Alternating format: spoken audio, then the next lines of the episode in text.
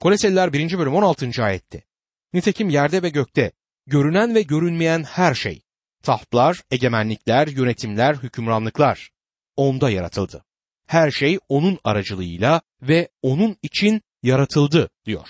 Üçüncü olarak o zaman her şey onun aracılığıyla yaratılmıştır. Eğer her şey onun aracılığıyla yaratılmışsa bu durumda onun yaratık mı yoksa yaratıcı mı olduğu çok net ortadadır. Tüm yaratılışın ilk doğanı odur sözü onun bir yaratık olduğu anlamında değil tam tersine tüm yaratılanların yaratıcısı olduğu anlamına gelir. Yaratılanlar görünen ve görünmeyen şeyler olmak üzere iki bölüme ayrılır. Yine ilginçtir ki ruhsal güçlerin de çeşitli sınıfları ve rütbeleri bulunduğunu buradan görüyoruz. Tahtlar, egemenlikler, yönetimler ve hükümranlıklar. Bunun gibi melekler ordusunda da çeşitli sınıflar ve rütbeler bulunur. Kutsal yazılar melekler arasında baş meleklerin, serafimlerin, kerubilerin bulunduğunu söyler. Bunların dışında da çok sayıda sıradan melek vardır. Efesler mektubunda düşmanımızın ruhsal bir düşman olduğu yazılır. Şeytan Tanrı'ya karşı baş kaldırdığında çok sayıda meleği de kendi safına çekmiş, onların da Tanrı'ya karşı savaşmasını sağlamıştır. Şeytan tarafından kandırılan ve bugün Tanrı'ya ve onun çok sevdiği varlık olan insana karşı savaşan bu meleklere bizler kötü ruh ya da cin adını vermekteyiz. Düşmanımız olan kötü ruhlar arasında da çeşitli sınıflar ve rütbeler bulunur. Dördüncü olarak her şey onun için yaratılmıştır. Yaratılmış olan her şeyin onun aracılığıyla yaratıldığını bilmek elbette güzel. Ama bununla birlikte yaratılan her şey onun için yaratılmıştır. Bu gece hava açık ve güzelse gökyüzüne bakabilir, orada sayısız yıldızı görebilirsiniz. Bundan yüzlerce yıl önce bir gece bazı yıldız bilimciler gökyüzüne baktıklarında belli bir yıldız gördüler. Siz bugün gökyüzüne baktığınızda sözü edilen o belirli yıldızı görmeyecek ama çok sayıda yıldızı göreceksiniz. Her yıldızın niçin kendisine ait yörüngesinde bulunduğunu bilmem hiç merak ediyor musunuz? Niçin bir yıldız daima kuzeyde, o aynı yerde de güneyde başka bir yerde durmuyor? Çünkü yeri sabittir. Onu oraya İsa Mesih'in kendisi yerleştirmiştir. İsa öyle istediği için o oradadır. Evet bütün yaratılanlar sadece İsa tarafından yaratılmamışlar ama aynı zamanda İsa için yaratılmışlardır. Kutsal yazılarda belirtilen ruhsal bereketlerden bir tanesi de bizim Tanrı'nın mirasçıları ve İsa Mesih ile birlikte bu mirasa ortak olduğumuzdur. Gelecekte ne gibi bir şeyi miras alacağız tam olarak bilmiyoruz. Bu konuyu çoğu zaman merak ediyorum. Kim bilir belki o her birimize bir yıldız armağan edecek. Sanırım sonsuzlukta hepimiz birçok şeyle meşgul olacağız. Şimdi olduğumuz gibi materyalist ve bedensel olmayacağız. O zaman yepyeni bir bedene sahip olacağız ve o bedende hiçbir zaman hırs, gösteriş, kıskançlık veya gurur gibi duyguları yaşamayacağız. O zaman yeni Yoruşilim denilen kentte yaşayacağız. Tanrı'nın o muazzam evreninde istediğimiz yere gidebileceğiz. Tanrı'nın bize evrenin kaçta kaçını teslim edeceğini bilmiyorum. Ama var olan her şeyi O yarattı. Hem de hiçten. O yaratmış olduğu bütün şeyleri kendi isteğine göre yönetmeye devam edecek. Çünkü bu onun evrenidir. Niye çam ağacının yaprakları dikenli de diğerleri gibi yassı ve ince değil diye düşünüyorum. Gördüğümüz herhangi bir varlık, hayvan olsun bitki olsun. Eğer öyleyse bu İsa Mesih öyle istediği içindir. Çünkü yaratıcısı odur. Onun için yaratılmışlardır. Bizler de gün gelecek bu ruhsal sistemin içine gireceğiz. Çünkü orada bizim için hazırlanmış bir miras bulunmaktadır. Aslında bu konular üzerinde daha fazla düşünmek istemiyorum. Çünkü en azından şimdilik de olsa oldukça soyut görünen konular bunlar. Ama öyle de olsa eminim hepimizin aklını kurcalayan ve hepimizde sürekli bir merak uyandıran bir konu olmaya bunlar devam edecektir. Evet, sonsuzlukta neler yapacağız, nereye gideceğiz, kiminle görüşeceğiz? Bu soruların yanıtını tam olarak bilmiyoruz ama bildiğimiz bir şey var. Sonsuzlukta cennette bulunduğumuz zaman her şey mükemmel ve eşsiz bir nitelikte olacak ve bizler orada bulunmaktan son derece mutluluk duyacağız. Sizler ve ben burada yeryüzünde çadır dediğimiz bedenler içerisinde yaşıyoruz. Elçi Paulus 2. Korintliler 5. bölüm 1. ayette bizim bu bedenlerimize basitçe çadır der. Biliyoruz ki içinde yaşadığımız bu dünyasal çadır yıkılırsa göklerde Tanrı'nın bize sağladığı bir konut, elle yapılmamış ve sonsuza dek kalacak evimiz vardır. Evet bedenlerimiz birer dünyasal çadır gibidir. Günün birinde yıkılacaklar. Bedenlerimiz ölüm yoluyla toprağa gideceği için bu çadırlar burada kalıcı değiller. Gün gelecek bizler bu çadırlarımızdan çıkmış olacağız. Bakın Elçi Paulus neyi özlüyor? 2. Korintiler 5. bölüm 8. ayette bedenden uzakta Rabbin yanında olmayı yeğleriz diyor.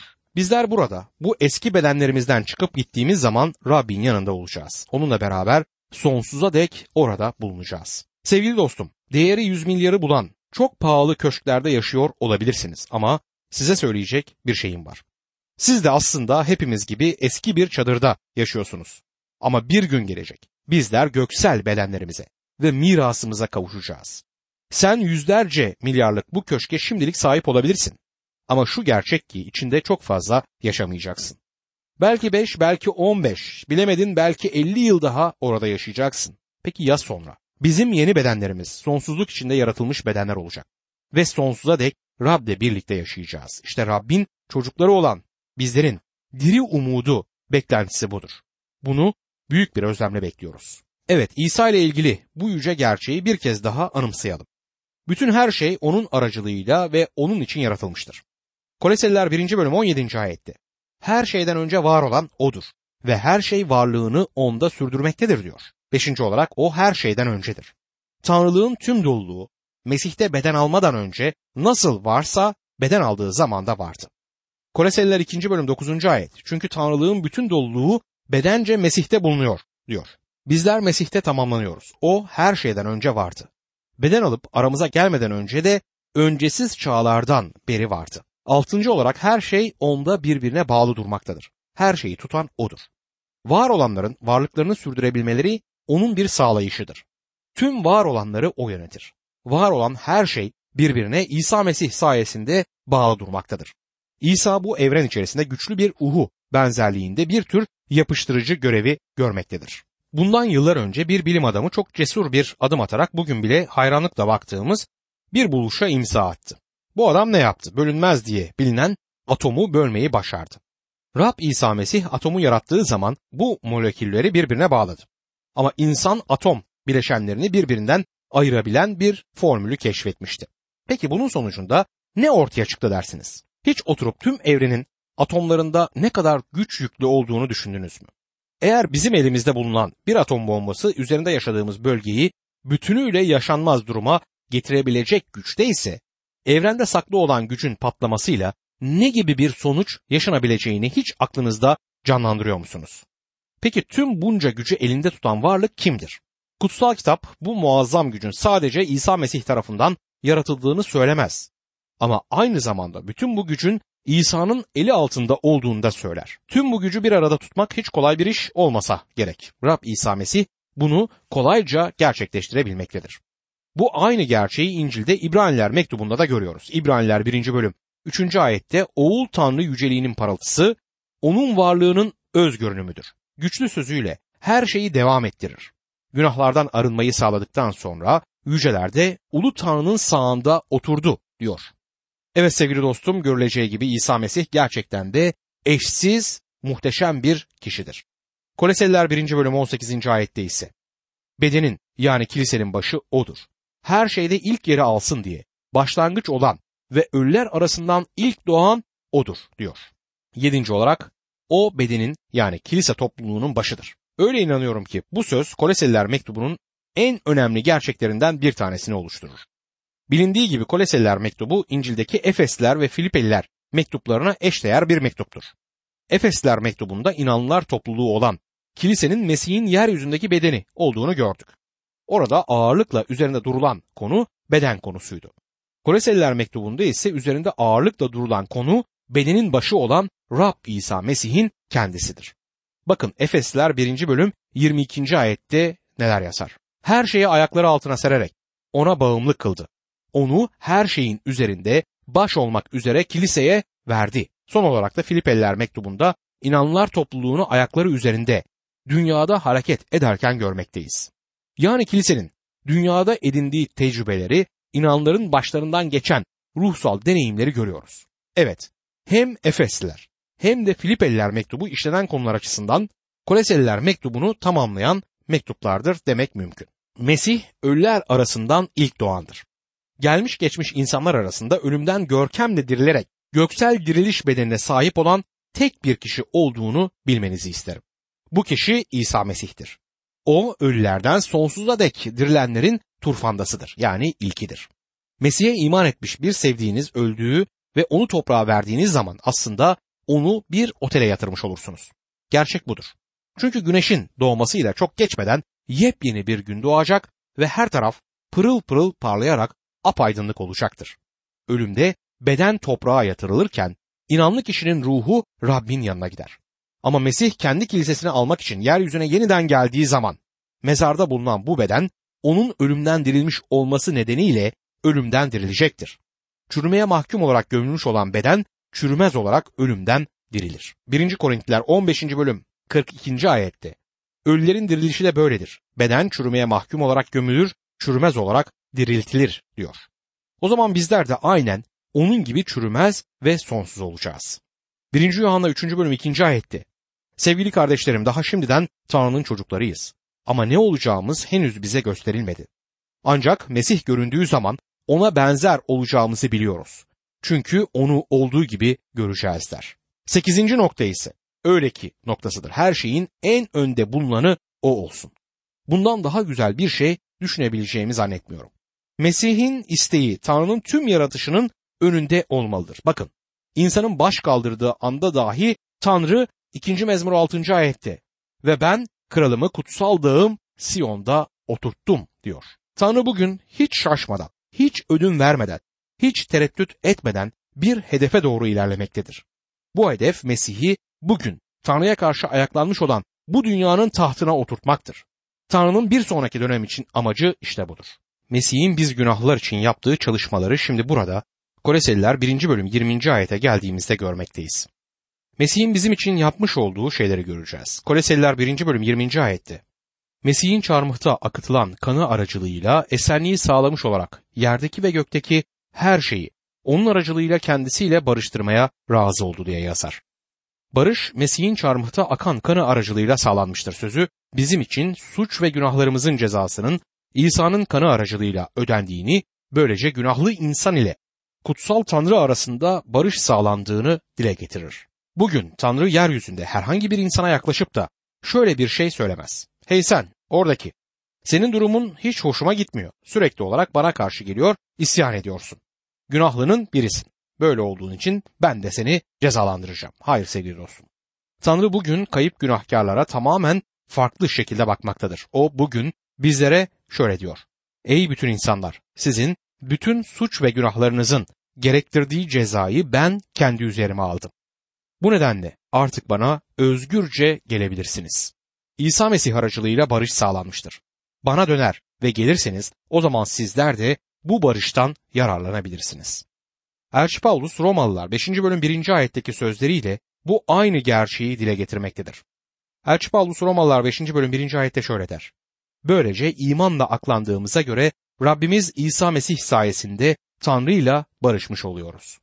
Barış İsa Mesih'in çarmıh üzerinde akıttığı kan aracılığıyla gerçekleşmiştir. Elçi Paulus, günahkarın bağışlanmasının İsa'nın çarmıhta döktüğü kanla bağlantılı olduğunu söyler. Tanrı artık bağışlayabilir çünkü bu uğurda büyük bir kefaret ödenmiştir. İsa Mesih günahların ortadan kaldırılabilmesi için gereken cezayı, ödenmesi gereken ücreti kendi kutsal kanını dökerek ödemiştir. İşte kutsal Tanrı günahlı insanı buna dayanarak bağışlamaktadır. Tanrı köşe başında saklanıp üzerine atlamayı ve fırsatını bulup seni bir güzel dövmeyi bekleyen geçimsiz komşun gibi değildir. O bugün kollarını sana açmış ve bana gel. Kurtuluşuna kavuş demektedir. Tanrı onun aracılığıyla her şeyi kendisiyle barıştırdı. Tanrı bugün bütün insanları kendisiyle barıştırmaktadır. Ama bunun gibi insanların da Tanrı ile barışması gerekir. Bu barışma her bireyin kendi seçimiyle gerçekleşmektedir. Onun çağrısına kulak verir ve günahlarımızdan dönerek onu yaşamımıza Rab ve kurtarıcımız olarak kabul edersek o zaman hem Tanrı bizimle barışmış olur hem de biz onunla barışmış oluruz. Paulus bu barışma konusunu 2. Korintiler 5. bölüm 18 ila 20. ayetler arasında ayrıntılı bir şekilde ele almaktadır. Bakın Paulus ne diyor? Bunların hepsi Tanrı'dandır. Tanrı Mesih aracılığıyla bizi kendisiyle barıştırdı ve bize barıştırma görevini verdi. Şöyle ki Tanrı insanların suçlarını saymayarak dünyayı Mesih'te kendisiyle barıştırdı ve barıştırma sözünü bize emanet etti. Böylece Tanrı aracılığımızla çağrıda bulunuyormuş gibi. Mesih'in adına elçilik ediyor, onun adına yalvarıyoruz. Tanrı'yla barışın. Böylece Tanrı adına insanlar Tanrı'nın rızasını kazanabilmek için son derece iyi şeyler yapmak dindar olmak ve çok iyi işler yapmak gereğinde olduğunu düşünmektedirler. Oysa o bizden sadece tek bir şey bekler. Onun gerçekleştirdiği bu barışı kabul etmemizi. Her şeyi kendisiyle barıştırdı diyor. Bazıları ayetin bu sözünden yola çıkarak oldukça alakasız ve saçma bir sonuca varabilirler. Sonuçta herkesin kurtulacağını söyler bu sonuç. Bunu anlayabilmek için bu tümcünün dil bilgisine biraz daha dikkatli bakmamız gerekir. Burada sözü edilen her şey nedir? Barışmak için belirlenmiş olan bütün şeyler. Yani sadece bu barışı kabul edecek olan her insan kurtulacaktır. Diğerleri elbette kurtulmayacaklar. Sanıyorum ki bu noktada Filipeliler 3. bölüm 8. ayete bakmamız yararlı olur. Orada Elçi Paulus Filipeliler 3. bölüm 8. ayette şöyle diyor. Dahası var. Uğruna her şeyi yitirdiğim Rabbim İsa Mesih'i tanımanın üstün değeri yanında her şeyi zarar sayıyorum, süprüntü sayıyorum diyor. Burada her şey denilen şey nedir? Elçi Paulus burada her şey derken tüm dünyada var olan her şeyden mi söz etmektedir? Hayır.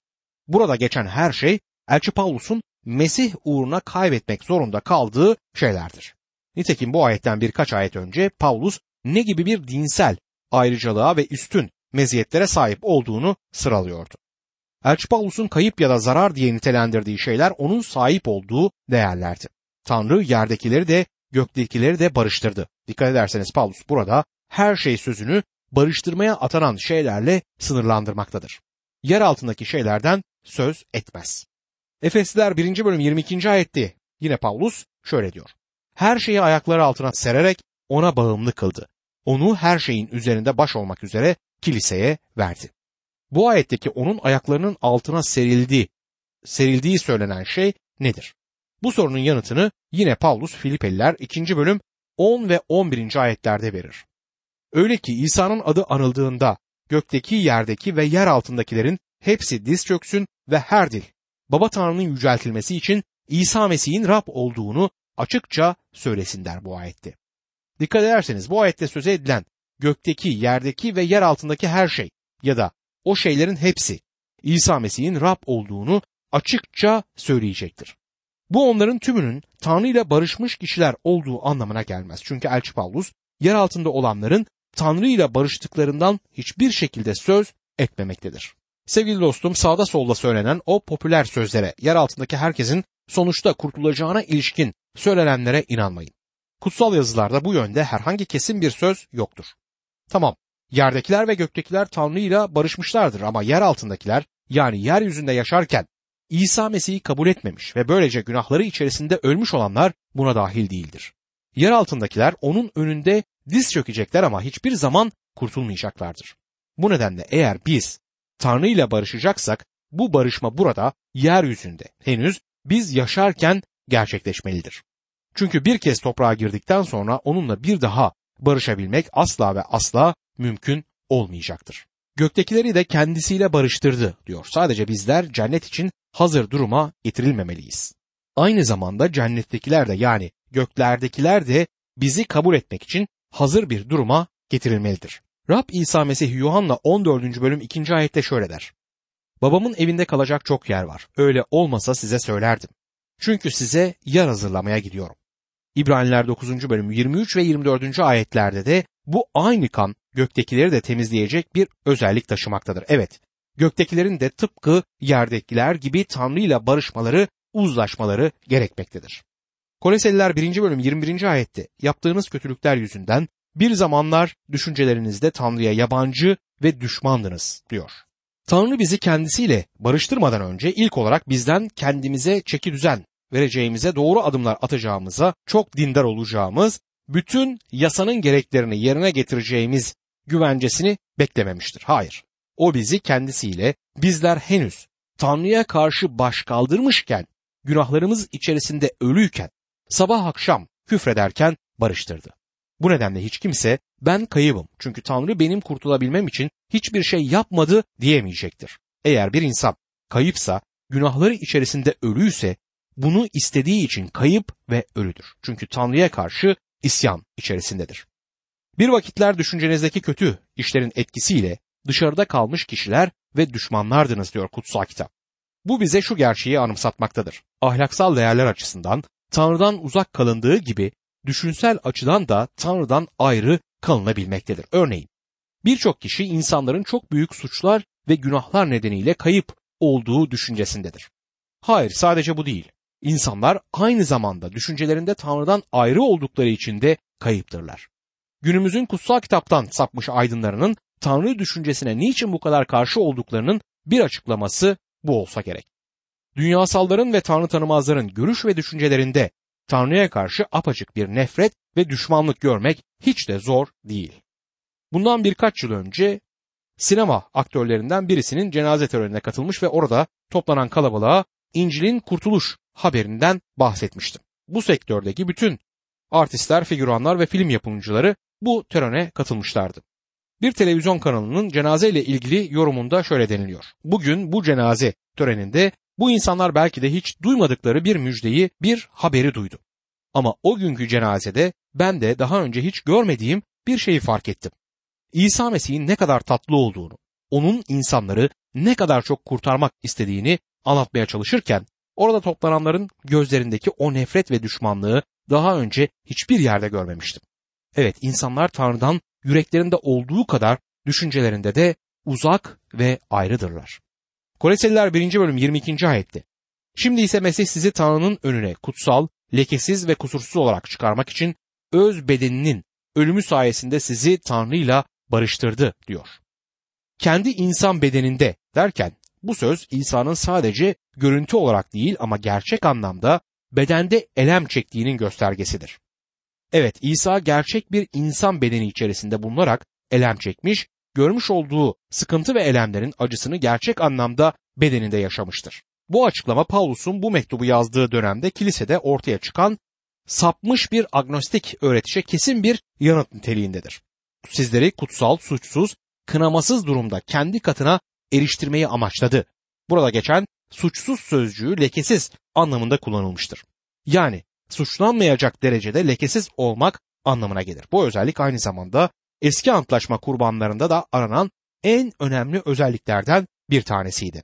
Sizler ve ben hiçbir zaman Tanrı'ya tümüyle mükemmel bir şey sunamayız. Bunun gibi Tanrı'da kendi belirlediği mükemmellik aşamasına ulaşamamış herhangi bir sunuyu da hiçbir zaman kabul etmez hatta edemez. İşte bu nedenledir ki bizler kendi iyiliklerimizi ya da yaptığımız iyi işlerimizle, dindarlıklarımızla kurtulamayız. Çünkü açıkçası Tanrı'nın belirlediği ölçülere erişemiyoruz. Ama onun bizi lekesiz ve suçsuz kılmaya yetkisi ve gücü vardır. Peki bu nasıl olur? Çünkü İsa Mesih bizim yerimizi alır. 2. Korintiler 5. bölüm 21. ayette Tanrı günahı bilmeyen Mesih'i bizim için günah sunusu yaptı. Öyle ki Mesih sayesinde Tanrı'nın doğruluğu olalım der. Yine bu ayette geçen günahı bilmeyen sözcüğü kusursuz, eleştiriye açık bir yönü olmayan, suçlanamayacak ölçüde kusursuz olan anlamındadır. Bizi bu aklanmışlık durumuna getiren Tanrı'nın kendisidir. Eğer Tanrı bizi aklamışsa, suçumuzu silip bizi kendi doğruluğuyla giydirmişse bu durumda bizi kim suçlayabilir? Hiç kimse. Çünkü tüm suçumuzu İsa Mesih'in kendisi ortadan kaldırmıştır ve bizi her türlü suç ve lekeden temizlemiştir. Koleseliler 1. bölüm 23. ayette yeter ki duyduğunuz müjdenin verdiği umuttan kopmadan imanda temellenip yerleşmiş olarak kalın. Ben Paulus, göğün altındaki bütün yaratılışa duyurulan bu müjdenin hizmetkarı oldum diyor. Yeter ki temel atmış, karar vermiş tutumla imanda süreklilik gösterin duyduğunuz sevindirici haberin içerdiği umuttan ayrılmayasınız. Burada Paulus'un Mesih inanları için belirlediği hedefi görüyoruz. Bu hedef nedir? İmanımızı temel atmış, karar vermiş bir tutumla süreklilik göstererek sürdürmektir. Hem de duymuş olduğumuzu müjdenin içerdiği umuttan hiç ayrılmayarak yapalım. Bu habere yani müjdeye diyor. Ben Paulus eski çeviride hizmet görücü kılındım. Paulus geriye bakıp İsa Mesih'in bir hizmetçisi olabilme ayrıcalığına sahip olduğunu anımsar ve bundan büyük bir mutluluk duyar. Sanımca bir kimsenin elde edebileceği en büyük ayrıcalıklardan birisi İsa Mesih'in hizmetçisi olabilmektir. Ben de onun sözünü duyurabilme ayrıcalığına sahip olduğum için kendimi çok şanslı görüyor ve bu hizmetimden dolayı büyük bir mutluluk duyuyorum.